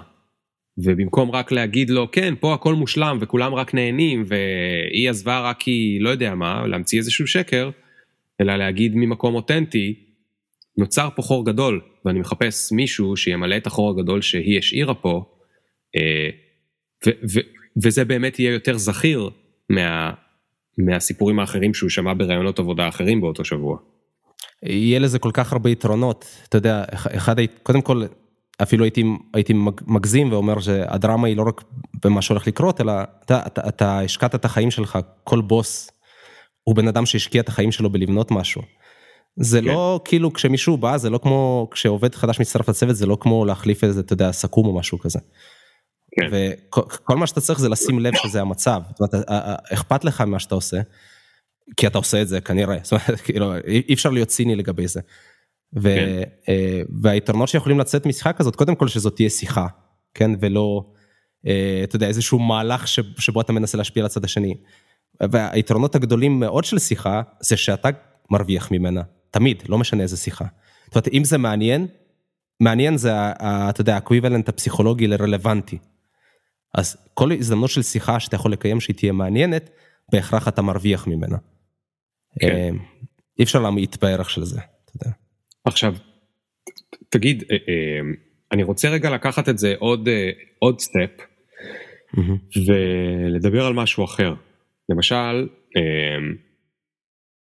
כשאני עומד מול מישהו שהוא בערך מהתרבות שלי, אז אני מבין קצת יותר טוב איך לעשות את זה. אבל מה קורה כשאני עומד מול מישהו שהוא לא מהתרבות שלי? למשל, לי יש עכשיו עובד אחד שהוא אה, חי בפיליפינים. ואחרי הרבה מאוד בחינות וראיונות וזה, אני מצאתי אותו בין כל מיני אנשים שחיפשתי מסביב לעולם, ומצאתי מישהו. הוא חי בתרבות אחרת, יש לו אה, מנהגים אחרים, הרגלים אחרים, אני לא מדבר על חגים, מדבר על, אתה יודע, יכול להיות שהוא יותר רגיש, יכול להיות שהוא יותר אגרסיבי, יכול להיות שהוא, שהוא אה, לוקח אחריות על הדברים שלו, יכול להיות שהוא נעלם ובורח, כל תרבות יש לה את ה... זאת אומרת, גם בתוך כל תרבות, גם כישראלים יש את כל מה שהרגע ציינתי, mm-hmm. אבל בכל זאת יש לי דרך כשאני מדבר עם מישהו, להבין או לנסות לנחש איזה סוג טיפוס הוא הולך, כי אני מכיר מאוד טוב את התרבות, אתה יודע, אתה מדבר עם מישהו, מתוך שעה שלמה יש שלוש מילים שהוא אמר, והשלוש מילים האלה זה היה בשבילך דגל אדום. כי אתה mm-hmm. מבין את התרבות. אבל אני אדבר עם מישהו שהוא לא מהתרבות שלי, אז mm-hmm. יכול להיות שהוא אמר כל מיני דברים שהם דגל אדום, אבל אני לא הייתי איתו בצבא או בבית ספר או במשהו, אני אפילו לא יודע לזהות את הדגל האדום הזה. ואני, למה אני שואל את כל זה? כי בתחילת ההצגה שלך, mm-hmm. סיפרתי שאתה עשית כל מיני פרויקטים ב... בדרום קוריאה ובאמריקה עוד נגיד שהאמריקאים יחסית איכשהו קצת אנחנו מבינים אותם אבל בדרום קוריאה ואני יודע שעשית משהו בבייג'ינג מה מה היה לך בפרויקטים האלה. אני, אני, אני בוא ננסה לפרק טיפה את השאלה שלך בעצם שאלת, שאלת שאלה על דיבור ואני לא בטוח אה, אם אני יכול לענות בדיוק בקונטקסט של הדיבור כי עיצוב זה לא בדיוק דיבור כן. אם כן. תחש... אז אני יכול, אני יכול לענות בקונטקסט של, של עיצוב, של, של אה, תהליכי עיצוב, שזה אומר לברוא ביחד משהו ספציפי שלא קיים עדיין, זה לא בדיוק אותו דבר כמו לנהל שיחה. כן. אה, אז תחשוב על, בעצם על כל הדוגמה שעשינו מקודם עם המנכ"ל של, ה, אתה יודע, של הסטארט-אפ הרפואי. אה, כל, כל העניין של העקומה, כן, כל העניין של בניית עקומה ובניית חוויה, אין בו כמעט שום דבר מילולי. כן. נכון? זה, זה לא קשור למילים שנאמרות בחדר. ו, כן. אמ, ואני מציע את זה גם, גם לסטודנטים וגם ללקוחות, בעצם, בדוגמה ששאלת זה קצת קשה, כי, כי אתה ספציפית נתת דוגמה של שיחה, אבל בגדול, אני חושב שמילים הם לא חבר שלך בעולם של עיצוב, זאת אומרת, עדיף להשתמש בהם כמה שפחות. כי הם מדיום מאוד מאוד מוגבל, כשכל אחד מפרש בצורה מאוד מסוימת. תחשוב, אז, אז בעצם מה שאני רוצה להגיד לגבי איך, איך עובדים מול סינים לדוגמה, או, ב, או מול אמריקאים בקונטקסט של, של פרויקט העיצוב, לא, לא מדברים, כן? לא רק מול, מול סינים ואמריקאים, גם מול ישראלים, זאת אומרת זה ממש חלק מהפילוסופיה של הסטודיו. אנחנו לא מתקשרים במילים. זאת אומרת, יש בעיה, את הבעיה הזאת, אם אנחנו, הרי אם הפרויקט הוא להציג ביטן לאקספו, או פרזנטציה למשקיעים, אנחנו מביאים לשולחן את ה prototype, את הדבר עצמו. כן? כי אין לדעת מה בן אדם חושב כשאתה, כשאתה אומר לו, אנחנו נעשה ככה וככה, אין לך דרך שום לדעת מה הוא מדמיין בתוך הראש שלו. אה, mm. כנ"ל, כנ"ל דוגמה לכל מיני moodboards, כן? זה, זה משהו שהוא big no-no, אנחנו לא מביאים מודבורדים.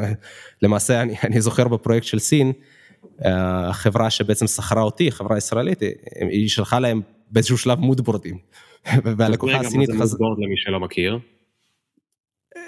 בעולם של עיצוב אה, אתה כאילו רוצה בשביל להיות יעיל מבחינת מאמץ, אתה בדרך כלל, אני לא בגישה הזאת, לא בא וישר נותן את התוצאה הסופית, אתה נותן את העיצוב של הפרויקט, אתה מדבר על זה, יש מצגות אסטרטגיה, מודבורדים זה כאילו אוספים דברים מהאינטרנט כלוחות השראה, ומביאים ללקוח כדי להרגיש כביכול את הטעם שלו.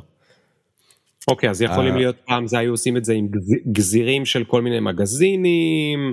נכון? אז אם אני בוחר אה, בחורה שנראית ככה, או בחור שנראה ככה, או אני בוחר מכונית שנראית ככה, וכל מיני כאלה, ואז אני מצליח להסביר לו מה, מה בערך תהיה השפה העיצובית, או אם אני נותן ללקוח נכון. לבחור, אז אני כאילו מבין מה הוא, למה הוא נמשך ומה הוא אוהב. זה כאילו עמוד בורד. בלי שהשקעת כביכול את העבודה עדיין של אה, לפתח משהו באותו כיוון. כן, ואתה אומר שאתה לא מת על זה. אז, אז אני בכלל לא, לא מת זה, זה understatement, אני חושב שהחוסר בהירות במקצוע העיצוב הוא, הוא כזה שאתה צריך להיות מאוד מאוד careful לאיך אתה מתקשר. אז uh, האנקדוטה היא שכשהם שלחו מודבורד ללקוחה הסינית, ואז הגענו לשם, אז היה לה, אתה יודע, זו הייתה סיטואציה מביכה, כי היא אמרה, אה, הראיתי את התמונות האלה לאדריכלים הסינים פה, והם אמרו שזה בכלל לא אתם עשיתם, שזה משהו שמצאתם בגוגל. זה, היה, זה, זה היה בטון מאשים כזה של כאילו ישראלים באו לעבוד עליה. כן, כן, זאת אומרת, זה, זה, זה רק, זה המחשה אה, קיצונית אמנם לזה שאוקיי, בסדר, היא סינית, אבל גם לקוח ישראלי, גם כשהוא נותן לך כן או לא, היא בכלל לא, היא בכלל לא הבינה את הקונספט, כן, של המודבורד, כן, שזה כן. משהו בכלל לקבל פידבק. אבל, אבל אותו דבר בעצם קורה אה, גם בפרויקטים, בכל פרויקט בעצם, אה, כשלא נזהרים מספיק ו, ולא נזהרים מספיק, אה, מעצבים לא חושבים על הדברים האלה מספיק לעומק, שכשאתה מראה ללקוח משהו מעורפל, אז כשהוא לא מאשר, או כן מאשר לך את זה, אתה לא יודע מה הוא אישר או לא אישר. אה, אז זו דוגמה קטנה למה זה אומר לעבוד בכלל, בכלל לעבוד בעיצוב, ובטח מול תרבויות אחרות, לא עובדים במילים, לא משתמשים במילים כמעט בכלל, כן? אבל רגע, נגעת עכשיו בנקודה אחרת מאוד חשובה. אתה עכשיו מראה ללקוח משהו, איך אתה יודע אם הוא אהב או לא אהב? כי גם זה תלוי מאוד מאוד בתרבויות, ואתה יודע, כשאתה מראה לי, נגיד שעכשיו הייתי אומר לך, אה, אה, אני יודע שאתה לא מעצב אתרים, אבל נגיד שהיית מעצב לי את האתר, זו דוגמה קלה, שאני עמדתי בה בצד השני הרבה פעמים פעם כשהייתי פרילנס. ועכשיו אה, אתה מראה לי, הנה הצבתי לך את האתר. עכשיו יכול להיות שאני עף על זה, יכול להיות שאני לא זה, ורוב הסיכויים שאני, אתה יודע, 70 אחוז עף על זה, זאת אומרת חלק מהדברים שם אהבתי, חלק לא, אבל עכשיו יש את כל הסיפור של איך אני בתור ליאור כבן אדם. יכול להיות שאני מישהו שלא רוצה להעליב, אז אני אגיד לך שאהבתי למרות שלא כל כך אהבתי. יכול להיות שאני מגזימן שאוהב, לקב... שאני פרפקציוניסט, ואז אני אגיד מה זה החרא הזה, הוא נתן לי משהו שהוא רק דמו וזה בכלל לא זה, אז אני אגיד בכלל לא אהבתי את זה ואני אתרכז בזה. איך, איך, אתה, איך, אתה, איך, איך אתה מתעסק עם כל שלל ה... להבין בכלל, מכיוון שאתה אומר שאתה מתעסק כל הזמן במסע להבין מה הלקוח באמת רוצה, ולא אומר לו מה הוא רוצה, איך אתה מבין ממני יותר טוב מה, האם אהבתי או לא אהבתי, את הפידבק. אז, אז, אז זה מעולה שיש לך ניסיון כזה, כי באמת אה, זה מלכודת שנורא קל ליפול בה. אתה יודע, כשאתה, נגיד, לומדים debate, אני עשיתי רק קורס אחד ברטוריקה, אה, אז המשחק הוא על מה ה debate ולא, ולא מה בדיוק אני אומר, אתה מבין? כאילו, אז כן. מה שאני אומר, ש, ש, כמו שאני אומר את זה הרבה פעמים על כדורסל, כי אני, כי אני אוהב כדורסל, שכדורסל זה משחק של מי לוקח את הזריקה ולא מי קולע. זאת אומרת, זאת אומרת, אם אתה מוצא את עצמך בסיטואציה עם לקוח, כשאתם מדברים על אהבתי, לא אהבתי, זה כבר מקום לא כל כך טוב להיות בו. Mm. אז, אז זה, זה הכל פונקציה של חוסר אה, אה, העמקה במה בעצם השירות שמסופק פה. עכשיו, אני יודע שזה מלכתחילה יכול להישמע מתנשא ויומרני, אה, אבל יש בזה צד כזה, נכון? כאילו, בוא, בוא, אם אנחנו מדברים רגע על המקצוע, אז אתה יודע, אז השאלה שכשאני מתחיל את השיחה עם סטודנטים, אני כמעט תמיד זורק אותה בתור התחלה. זאת מה זאת אומרת שאתה אה, לומד חמש שנים, במקרה, לדוגמה אדריכלות, ואז אתה מביא את התוכנית והלקוח אומר לא אהבתי. כן? כן. מה, מה, מה, קורה, מה, מה קורה פה? אז זה לא, וזה לא שהלקוח לא צודק, כן? זאת אומרת, כאילו, אה, זה, זה רק, אה, זה, זה, אבל זה כן אומר שלא נעשה תיאום ציפיות מספיק טוב לגבי מה זה התהליך הזה ומה בעצם אנחנו עושים ביחד.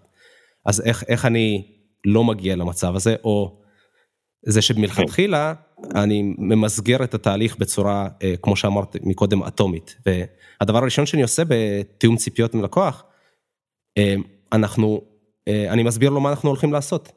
ומה שאנחנו הולכים לעשות, אנחנו הולכים לקחת דמות, שזה לא הוא וזה לא אני, זה יכול להיות אותו משקיע, אם אני חוזר לדוגמה של, של הסטארט-אפ מקודם, או אם זה אתר, אנחנו נבחר דוגמה מקהל היעד, כן, ואנחנו נפרט אותה ביחד.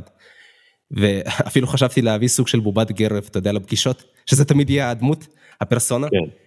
ובעצם מה שאנחנו נעשה ביחד במהלך אותו תכנון אתר, אנחנו נשאל את עצמנו, האם ה, אה, אותו דמות שאנחנו בחרנו ביחד, זה יכול להיות מנהל של איזושהי חברה גדולה, או אתה יודע, לקוח מאוד מוגדר, האם הוא עובר את המסע, אני חוזר לגרף, שאנחנו רוצים שהוא יעבור. עכשיו, המהלך הקטן הזה, של בעצם לקחת ולהפריד אותי ואת הלקוח מהדמות שאשכרה הולכת להשתמש באתר הוא, הוא כל כך חזק.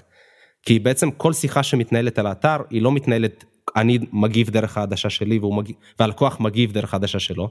אני, אנחנו כל הזמן שואלים מה, אה, אה, אתה יודע, מה אותו משקיע היה חושב אם הוא היה נחשף לזה. עכשיו, מסתבר שאנחנו okay, אוקיי, ממש... אז, אז אם אתה היית מעצב לי אתר, אז לפני זה היינו אומרים, אוקיי, יש מישהי, קוראים לה עדי, היא בת 33, ויכול להיות שהיא תגיע לאתר, והאם האם היא עוברת את החוויה שביחד תכננו שאנחנו רוצים שהיא תעבור. נכון. אוקיי? ואז אנחנו לא מדברים על הדי הזאת. בדיוק וגם הייתי הייתי מתעקש שזאת תהיה דמות אמיתית זאת אומרת זה תהיה דמות אמיתית שאתה יכול לספר לי עליה שהיא באמת ושיש כאילו. לא, לא, אמיתית, אה, אה, אה, עדי תגידי רגע שלום לשגיא. לא סתם אני אני מבין אוקיי זאת אומרת מישהי שהיא באמת ככל שזה יהיה אמיתי יהיה יותר קל. אבל תגיד לי משהו נכון. תגיד לי את זה כמישהו שהוא הדיוט בתחום. אני יכול לדמיין את זה בעיצוב אתר, אני יכול לדמיין את זה בסטארט-אפ אמ, רפואי שעושה פיץ' למשקיע, איך זה קורה באדריכלות? אותו דבר. אותו דבר אם אנחנו חושבים על אה, בעצם בוא, בוא, בוא נקפוץ עוד פעם כמו שהיינו אתה זוכר מקודם היינו בראש של המשקיע? כן. נכון בוא, בוא, בוא, בוא, בוא, בוא נדמיין שאנחנו נוחתים אצלו מאחורי העיניים שזה בעצם המשקיע הוא כל אחד מאיתנו. כן. כל אחד מאיתנו חווה את המציאות כמו איזשהו סרט. כן. ו, אה, והמציאות היא ליניארית בעולם שלנו, נכון? זה אותו גרף, נכון? אז אה, כן. אתה יכול לקחת ואת אותו, אני, אני כן אולי אגיד שאני בעיקר עשיתי פרויקטים שהם ציבוריים, שהם היו חוויות, לדוגמה מרכזי מבקרים ומוזיאונים, ש, שזה באופן מובהק חוויה ליניארית, כן? בשונה מבית לדוגמה. כן. אבל עדיין, גם אם גם הייתי צריך לתכנן בית, הייתי ניגש לזה באותו אופן. זאת אומרת, כולנו חיים בסרט שאנחנו רואים דרך העיניים שלנו. וזה צוואר בקבוק מעולה בשבילי כ... אתה יודע, איש חוויה אטומי כזה. בעצם מה שאנחנו כן. עושים, המס... בעצם אולי, אולי לא ציינתי את זה מקודם אבל זה מעולה שאתה שואל, בעצם המסמך שאנחנו נותנים תמיד, המסמך הראשון שאנחנו נותנים הוא סוג של סטורי בורד. כי אין, mm. אין חוויה, בסופו של דבר הכל מתנקז לאותו צוואר בקבוק, אתה יודע, החור השחור הזה בעין של כל אחד מאיתנו, כן. שיש בו סרט, שרץ בו הסרט של החיים שלנו. וכל חוויה, אני, אני אומר את זה יומרני, אבל אני חושב שאני עדיין מתכוון לזה בכל זאת, אה, כל חוויה ניתן לעצב דרך הפריזמה של העין של הצופה. ואנחנו כולנו מאוד מאוד דומים, זה מדהים עד כמה שאנחנו דומים.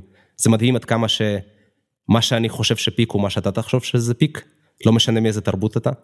מה שמרגש אותי ברמה האנושית הוא, הוא מה שירגש אותך. כשאתה נמצא בעומקים האלה, אה, זה באמת מדהים כמה שאנחנו דומים ואנחנו כל כך אז איך זה ייראה נגיד במרכז מבקרים. אז החוויה אתה יודע כשעשיתי את המרכזי מבקרים ואת החוויות האדריכליות האלה הייתי יחסית נאיבי ידעתי פחות טוב להתנסח. אה, להסביר ידעתי פחות טוב להסביר מה שאני עושה ממה שאני עושה עכשיו.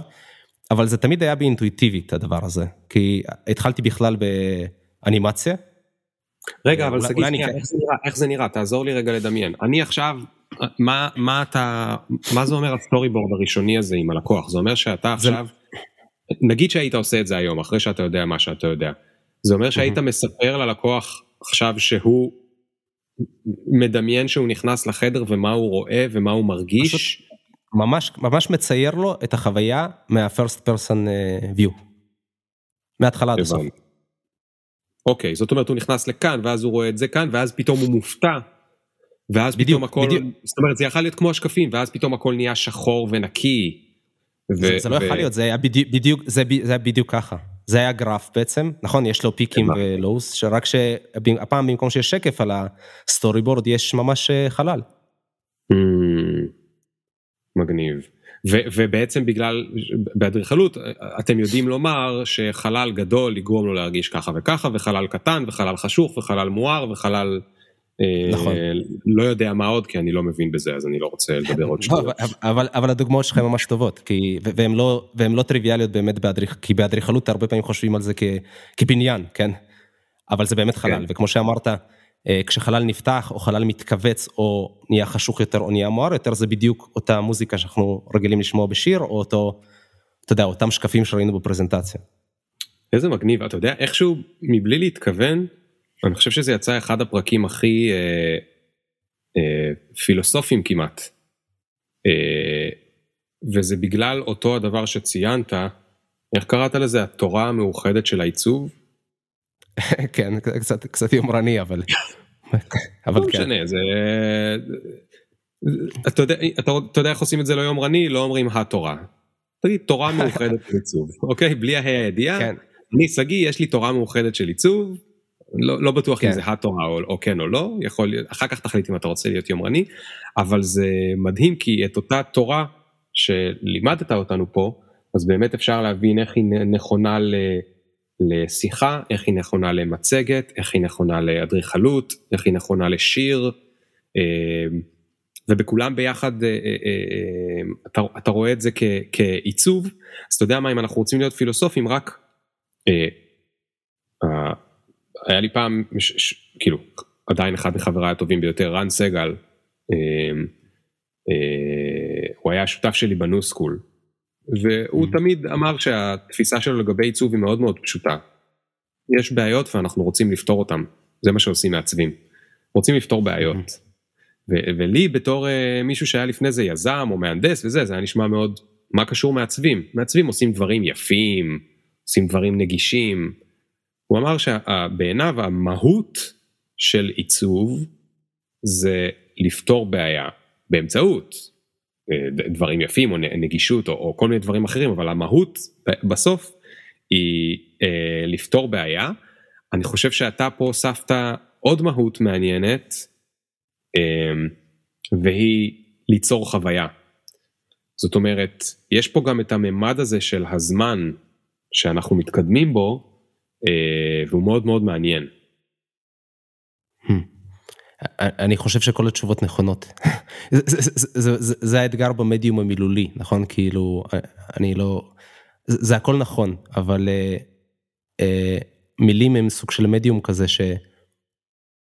הוא לא אחד לאחד למציאות, זאת אומרת, אנחנו, אתה, אתה עכשיו עשית איזושהי הגדרה של עיצוב, וכאילו יש רצון שיהיו מילים מדויקות שיגדירו בדיוק מה זה עיצוב, אבל כן. זה לא עובד ככה עם מילים. כשאני נכון. יכול לשאול אותך מה אתה עושה, אתה עושה המון דברים בו זמנית, וכל, והרבה תשובות יהיו נכונות. אז זה, זה נקודה מצוינת. אני בן אדם, אני באמת בן אדם מאוד מילולי, ואתה אתה עומד כאן על נקודה מאוד חשובה. זה מאוד מתסכל לאנשים מילוליים עד כמה שפה היא מוגבלת. אני לא, לא הייתי מאמין שאתה מרגיש את זה, כי דווקא התחושה שלי מהצד, כי אני ראיתי קצת, קראתי קצת דברים שכתבת ואני שומע את האופן שבו אתה מתנסח, שזה זה קל לך בצורה יוצאת דופן, ולא הייתי מאמין שאתה בכלל מרגיש את הגבולות של זה. אני יכול לספר בהזדמנות, פעם אפילו, לא זוכר מי, ביקשה ממני להעביר איזה סדנה לפני, אה יונית צוק, יש איתה גם פרק בפודקאסט, ביקשה ממני להעביר איזושהי סדנה. אצלה ב... ל... לאנשים שלומדים לכתוב בלוגים על uh, כתיבה וסיפרתי שם במשך איזה שלוש שעות את כל המסע. אני יכול לרמוז לך שזה נשמע לי קל, אבל זה הרבה מאוד שנים של uh, נקודות לא קלות, זאת אומרת, זה לא קשור לחיים ומוות, אני מתכוון לא קלות מבחינת ה... ה... Uh, זה, בקיצור זה לקח הרבה מאוד מאמץ להגיע לנקודה הזו, ועדיין אני חושב שיש הרבה מאוד חסרונות. למשל, הצורך להישמע קונסיסטנטי הוא בעייתי, כי אם לכל דבר יש הרבה מאוד זוויות, ובציור או בחוויה שהיא אדריכלית או חוויה עיצובית אפשר להראות את כל הזוויות האלה או הרבה זוויות כי אתה נע בתוך משהו. לעומת זאת כשאתה אומר משפט אתה יכול בו זמנית במשפט הזה להגיד רק זווית אחת. ואם אתה אומר אחר כך משפטים אחרים אתה עשוי או עלול להישמע כאילו אתה סותר את עצמך. וזה, וזה, וזה מאוד קשוח. נכון. אבל הדוגמה הקלאסית ב... סליחה, תגיד. לא, לא, הדוגמה הקלאסית בעולמות שלי זה שאני פוגש אנשי marketing שרוצים למצוא את השלוש מילים שהגדירו את החברה שלהם, ב, אתה יודע, את ה-one unique sentence שהוא בדיוק מה שהחברה עושה והוא לא כמו שום דבר אחר. זה כן. כמובן בלתי אפשרי. זה מדהים, זה מדהים. אה, שגיא, רק לסיום, אתה יכול לספר לי מה קרה לך בבייג'ינג? אה, זה באמת, זה סיטואציה הכי הזויה שאני הייתי בה. זאת אומרת, אני, אני בן אדם מאוד מופנם, חוץ, מה, חוץ מכשאני בקונטקסט מקצועי, זאת אומרת, כמו שאנחנו עושים עכשיו, שאני מרגיש שזה, אתה יודע, התחום נוחות שלי. אז, אז גם בארץ לא קל לי, אתה יודע, בסיטואציות עם הרבה אנשים. מה שקרה ב, בסין זה, אני חושב שזו הסיטואציה הכי הזויה, שאתה יודע, ממש סצנה מסרט.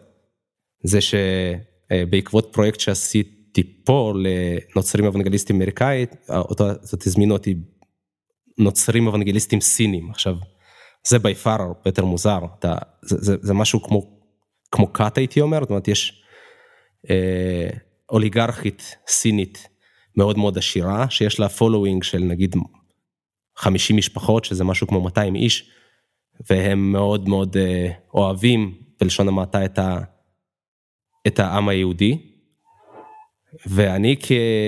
אתה יודע, הגעתי לשם, בהתחלה הייתי מגיע עם קבוצה, אז, אז זה קצת יותר קל עם אותה חברה ששכרה אותי פה בארץ, אבל ב, בתוך כדי עבודה אני הייתי צריך להגיע לשם לבד, ו, ואז זה ממש היה סיטואציות של אינדיאנה ג'ונס כאלה של, אה, אתה יודע, כמו שאתה, הילידים אה, מאמצים את האדם הלבן ונותנים לו מתנות, ו, ואתה בטוח שהם יאכלו אותך, אז, אז זה ברמה של, כולה, מזמינים אותך לטקס ביום ראשון, ו...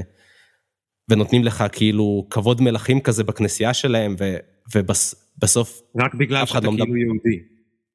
רק בגלל שאתה יהודי, כן, זה שאני הייתי כאילו גם טאלנט, uh, כאילו, כאילו, זה, זה עזר, זה, זה פחות עניין אותם, זה מאוד עניין אותה, כאילו הייתי את המין צעצוע מערבי כזה, והייתי אוכל איתה בבית שלה, רק אני והיא לבד, או הולכים למסעדה והיא מזמינה 15 מנות, רק אני והיא לבד, אף אחד לא מדבר אנגלית כמובן, כן, כן. כולל המתורגמנים. אבל הסיטואציות בכנסים, בכנסיות של יום ראשון, הם היו הכי הזויות, כי היית צריך להיות שם, אתה יודע, מקדימה, על ה... שם ליד, ה... ליד הבמה. על ובסוף, הפודיום. אני, אני, אני לא הבנתי בדיוק מה הם מדברים, אבל בסוף היה מין סיטואציות של חיבוק כאלה, של כמו בחתונה שיש אצלנו. זאת אומרת, אתה עומד שם וכל אחד מהם ניגש ומחבק אותך. אז... אה, אז, אז, אז, אז זה היה כאילו, עוד פעם, בטח לאישי. הנה עוד חוויה שהיא לא מילולית.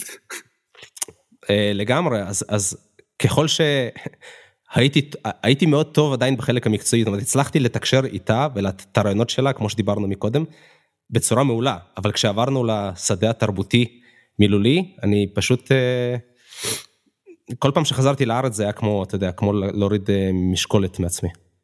גדול. אבל... אה, שגיא, הרבה הרבה תודה. היה לי... תודה לך.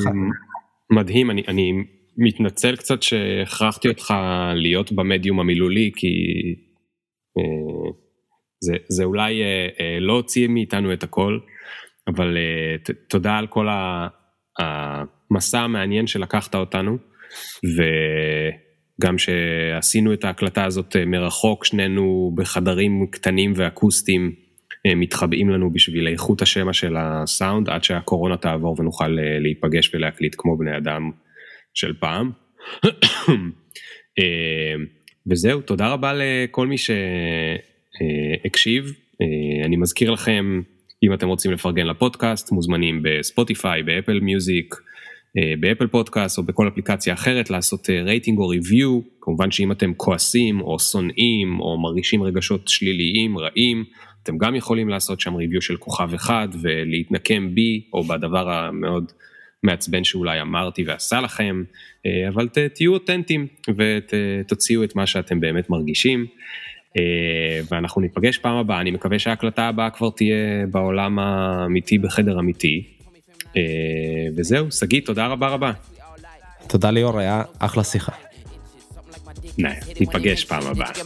Question, do you even fuck with a nigga like me? Will you want me in about three days? Really? IDC. Cause every time a nigga talk, they can't see. The big up picture. Fuck your filter. Me can't go run, but me can't repeat. No.